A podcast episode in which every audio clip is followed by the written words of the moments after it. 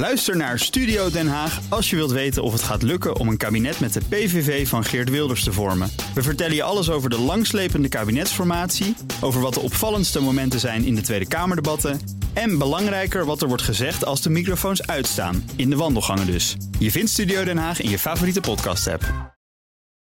BNR Bouwmeesters wordt mede mogelijk gemaakt door Bouwend Nederland. De bouw maakt het. BNR Nieuwsradio. Bouwmeesters. Welkom bij Bouwmeesters voor de bedenkers, bouwers en bewoners. We waren nog niet eens terug van vakantie of er diende zich alweer een klein bouwdrama aan. Want opnieuw stortte een groot publieksgebouw in. Dit keer was het het dak van het AZ-stadion in Alkmaar aan de beurt. En andere stadions die lieten meteen dakinspecties uitvoeren. De politie wil een landelijk actieplan. Nog tijdens het reces kwamen er kamervragen. Dus eh, de schrik zit er goed in. En daar gaan we over praten met Bob Gieskens. Hij is directeur van de Vereniging van Nederlandse Constructeurs. En Joop van Leeuwen, voorzitter van het Centraal Overleg Bouwconstructies, COBC. Dat zijn de gemeentelijke constructeurs. Heren, hartelijk welkom. Um, voor we gaan praten over instortende parkeergarages en stadions, wil jij, Bob, uh, met een positief uh, verhaal beginnen? Ja, want het is het inderdaad zo dat we de laatste tijd uh, aardig opgeschrikt zijn door, door uh, instortingen. En uh, ja, dan wordt daar het nieuws natuurlijk door gedomineerd. dus ik heb gezocht. Er gebeuren ook mooie dingetjes. Ik hè? heb gezocht naar een aantal positieve dingen. En een van die dingen die was iets wat tevoorschijn kwam bij de reconstructie van het station naar de Bussum. Mm -hmm. Daar gebeurt van alles als het gaat over. Dat is zo'n mooi 19e eeuwse stationnetje, toch? Of niet? Ja, naar klopt. de Bussum? Daar, gaat, er gebeurt van alles als het gaat over de herinrichting van sporen.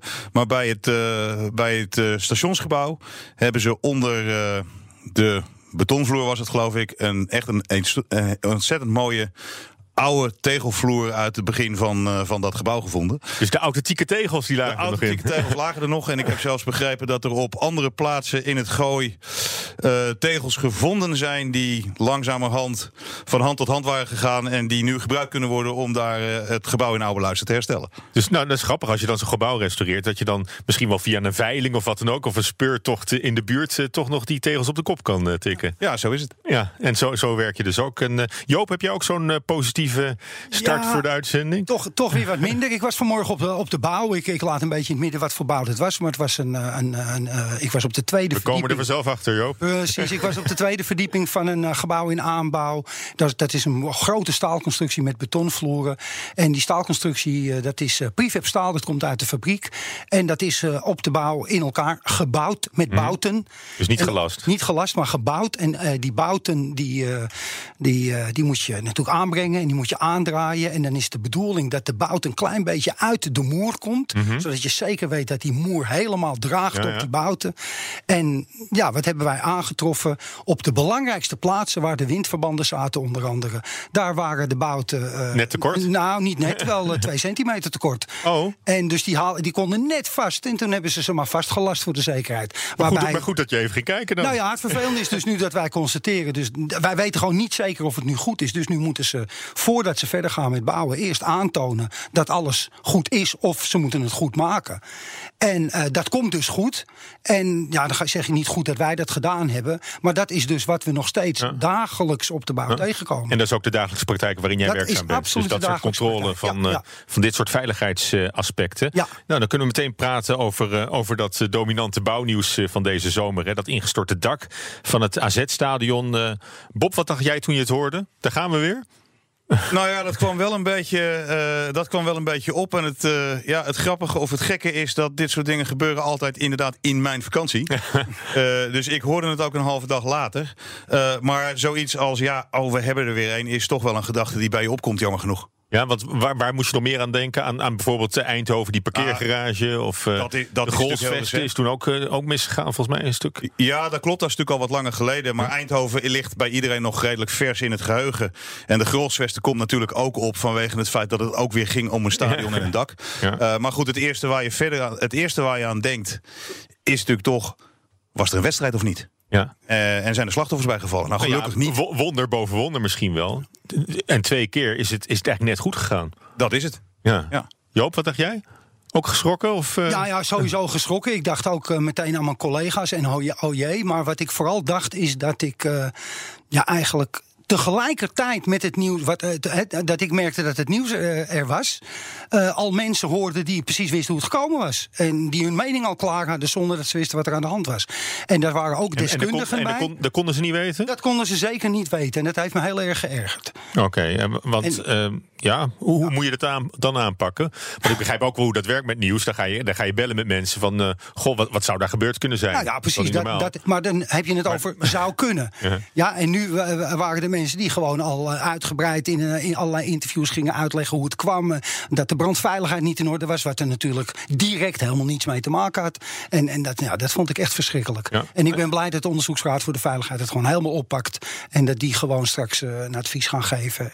En, en zeggen wat er uit het onderzoek naar voren is gekomen. Ja, want, want jij bent voorzitter van het COBC, Ja, zei ik net al. Dus, dat is het landelijk overlegorgaan waar alle constructeurs van, van de gemeente bij elkaar zitten. Ehm, dat zijn mensen die namens bouw- en woningtoezicht die constructies controleren. Controleren, ja, absoluut. Ja. En, eh, maar, maar niet in Alkmaar dan in dit geval? Die hebben ze zeker wel gecontroleerd. En daarom ben ik, vind ik het zo van belang om te weten... was de constructie fout? Eh, is, is het toch gekomen door die zonnepanelen? Eh, was het laswerk niet in orde? Dat weet je dus nog niet. Ja. Maar ja, ja, over de is dan- is iets maar het gezegd, dan- maar- Het is dan kennelijk niet iets geweest wat bij die controles aan het licht is Nee, precies. gekomen. En daar ben ik van overtuigd dat die constructeurs van, van de gemeente... die controleren dat gewoon op, op de juiste Hmm. manier. Dat zijn zeer deskundige mensen. En, en die doen dat dus. Ja. Maar er zit heel veel tussen het ontwerp aan de ene kant... en de uitvoering uiteindelijk aan de andere kant. Ja. Ja, en ik En- denk dat hier en- nog ja. wel iets bijzonders, iets extra speelde ten opzichte van zowel eh, Eindhoven, waar we het net over hadden, Hmm. als de Grolsvesten. Dit, dit stadion stond er al 13 jaar. Ja, precies. Eh, dus je hebt het niet over iets wat ingestort is net nadat het of opgeleverd is of net nadat het in, eh, in gebruik genomen is. Dus daar speelt een extra Hmm. factor bij. Dat is wat is er nou in die 13 jaar gebeurd aan onderhoud, aan eh, wijzigingen aan, de, aan het pand, et cetera. Dus ja, Misschien heeft het 13 jaar ingewaterd ergens en heeft Ja. dat eh, de, de constructie aangetast. Ik, ik bedoel, Ja. ik, ik speculeer maar wat. Nou ja, zo- zo- ik, vind het, ik vind het wel een mooie speculatie. Ik, heb, eh, ik ben zelf persoonlijk wezen kijken bij die reclamezuil... die bij de vorige storm is omgewaaid in Almere. Dat is maar de plek waar ik normaal werk. En eh, daar heb ik het laswerk gezien. En dat laswerk, dat is nooit 100% geweest. Je kon gewoon zien dat die las niet gehecht was aan de, staal, aan de stalen eh, constructie van de, van de mas zelf. En dat heeft, ja, is jarenlang goed gegaan. Maar ja, er komt toch water tussen. Het gaat een beetje roesten. En eh, op een gegeven moment zegt hij, ik ben er klaar mee. En dan ligt hij.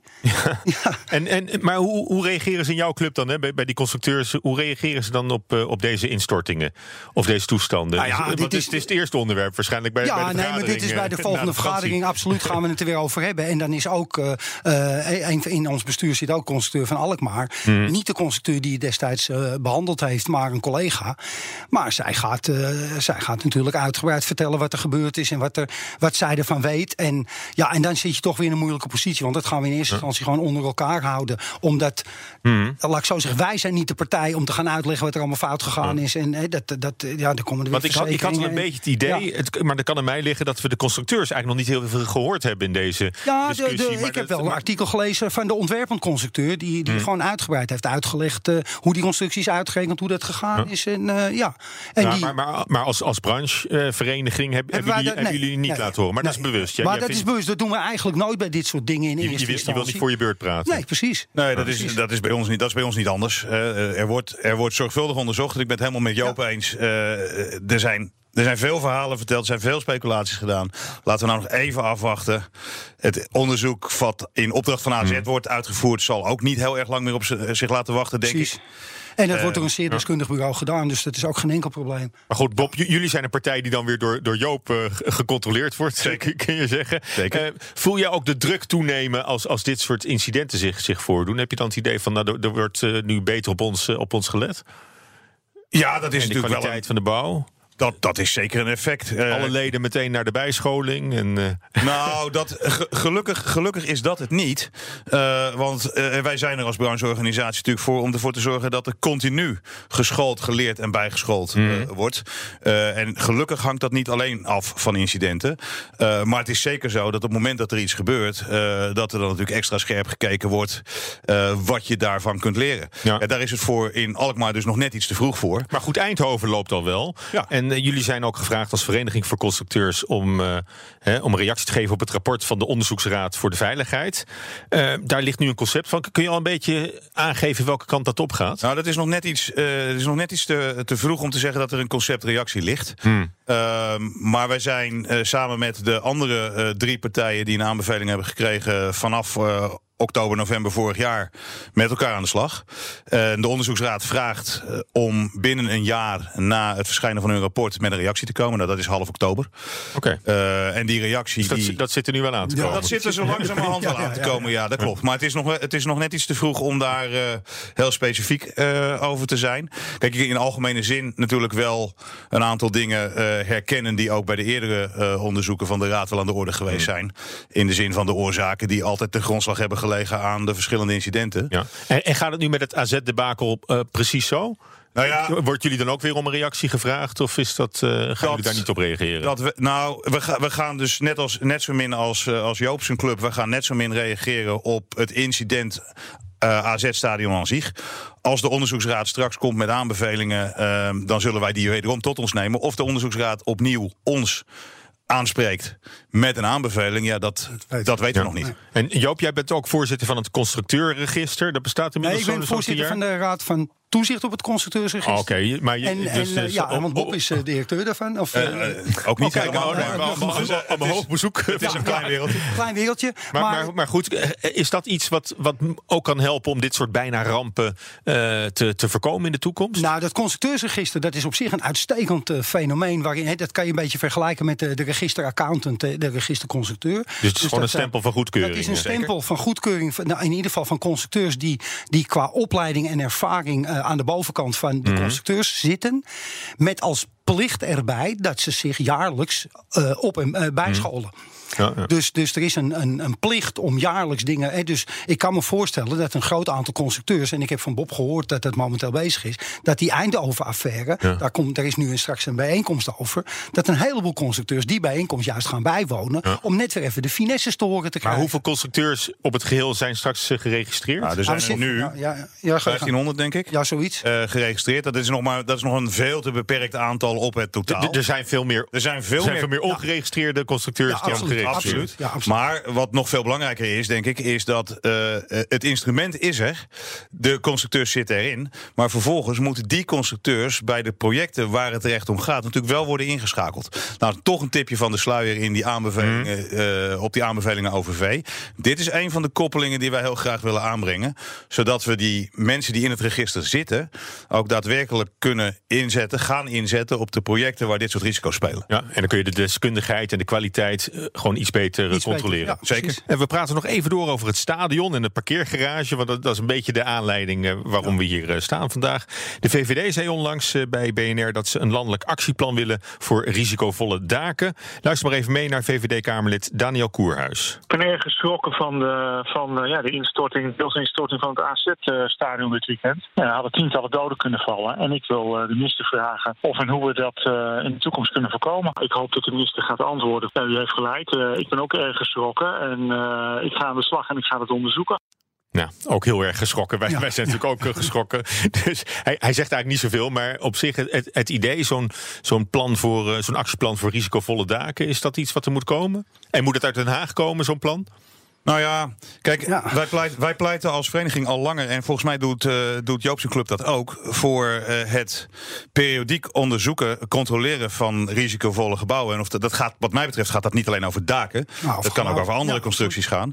Maar het is niet zo gek om eh, te denken dat je eh, bedenken dat je tijdens de gebruiksfase, waarvan alles kan gebeuren, eh, dat je toch af en toe eens een keer kijkt naar risicovolle constructies. En ik denk dat zo'n stadionconstructie daar eh, er zeker eentje van is. Ja, omdat er op, op gezette tijden natuurlijk... eh, nou, hoeveel Veel mensen gaan er in het stadion? Omdat er veel 10, 20.000 of zo? Omdat er eh? veel mensen in zitten, maar ook omdat die, eh, die dakconstructie natuurlijk best wel een bijzondere constructie is. Nou, Eh, gelukkig is daar dan in per 1 januari 2021 eh, die nieuwe bouwwet. Hè, de wet kwaliteitsborging voor het bouwen, zo heet die voluit. Maar gaat die dit, in, dit soort zaken in de praktijk regelen? Nee. Nee, want die bouwwet, eh, wat je er ook van mogen vinden, de meningen zijn daar uitermate over verdeeld. Maar die bouwwet die gaat over nieuwbouw. Eh, en waar Koerhuis het over heeft en waar wij het hier over hebben, is over inspectie van gebouwen Ja. die in gebruik zijn. Want dit stadion stond er al 13 jaar, daar hadden we het net over. Ja. En eh, Joop, heb jij een beetje vertrouwen in die, in die nieuwe wet? Ik, nou, ik heb vertrouwen in die nieuwe wet. Eh, laat ik zo zeggen, wij zijn eh, eh, via de VNG natuurlijk als, als gemeente... hebben we uiteindelijk gezegd van nou, als die wet er moet komen... dan zijn, is dit wel de goede manier om het te doen. Hè. Er is een eh, bestuursakkoord gekomen waarin de groot, met name de grote gemeenten... hebben gezegd, nou, onder die en die, die voorwaarden... kunnen we wel met die wet akkoord gaan. Of we er al klaar voor zijn, want er moet nog wel wat gebeuren voordat je dit. eh, Nou, heeft regelt nog anderhalf jaar de tijd. Nou ja, maar dat is niet zoveel. Dat, eh, dus Ja, daar, maak, ik, daar, maak, ik is me dat, wel, eh, is eh, dat, maak eh, ik me wel ongerust over. Maar ik wil misschien ook nog wel even iets zeggen over die bestaande gebouwen. Kijk. Die, de wet is de laatste jaren toch wel een beetje veranderd. Eh, vroeger, en ik ben een oude man, dus vroeger stond er in de wet... burgemeester en wethouders gaan na of gebouwen voorzieningen behoeven. Dus dan moesten wij als gemeente controleren of, eh, of er wat aan gebouwen... Nou, zo staat dat niet meer in de wet nu. En er wordt nu eigenlijk geacht dat iedere eigenaar van een gebouw... een soort goede huisvader van zijn gebouw is. En daar hoort dus periodiek onderhoud bij... en periodieke controle van, eh, van zijn constructie. Nou, ik vraag me af hoeveel eh, bedrijven, schuinstrijp, gebouweigenaren dat echt doen. F- actief doen. Nou ja, laten we eens. la- kijk, Dus het wordt, het wordt meer verspreid over al die, al die particuliere Ja, partijen. ja, ja. ja. Nou ja, en dat is al jaren zo, hè? Dat, eh, ja. Nou, kijk, bij het stadion kan je nu zien dat eh, er gebeurt, er komt iets in het nieuws en er, er zijn meteen een aantal andere stadioneigenaren die in beweging komen. Nou, Ja. dat, dat Ja. kan je een goede beweging noemen. Tegelijkertijd hebben we natuurlijk een aantal jaar geleden wat eh, gedoe gehad met eh, flatgebouwen. Ja. Met eh, balkons en dergelijke. Nou, de, onderzoek, de onderzoeksplicht die daarop ingesteld is, dat is een hele lastige geweest voor al die eigenaren. Maar er zijn wel wat proefprojecten geweest, maar ze hebben allemaal gebouwen getest volgens mij die, die laag risico waren. En dan zou je misschien beter juist de, de, de gebouwen waar veel risico is. Voor die, de wet, die wet kwaliteitsborging kwaliteit, ja, die, is al, die gaat vooralsnog alleen maar in voor, eh, voor, ja, eigenlijk voor woningbouw en, en kleine Er industriegebouwtjes. zijn ook wel proefprojecten voor wat grotere gebouwen geweest overigens. Ja. Maar goed, de regeling van de aansprakelijkheid, hè, want, daar kom je dan uiteindelijk op uit. Eh, dat is voor velen ook nog een doorn in het oog. Want waar, waar ligt, waar ligt die nu? Nou waar ja, ligt de verantwoordelijkheid? Die is een beetje verlegd, hè? Naar nou de, ja, naar dat de ook. private Maar ik partijen. vind, ik vind ook dat, dat, we daarin, dat de wet daarin niet ver genoeg gaat.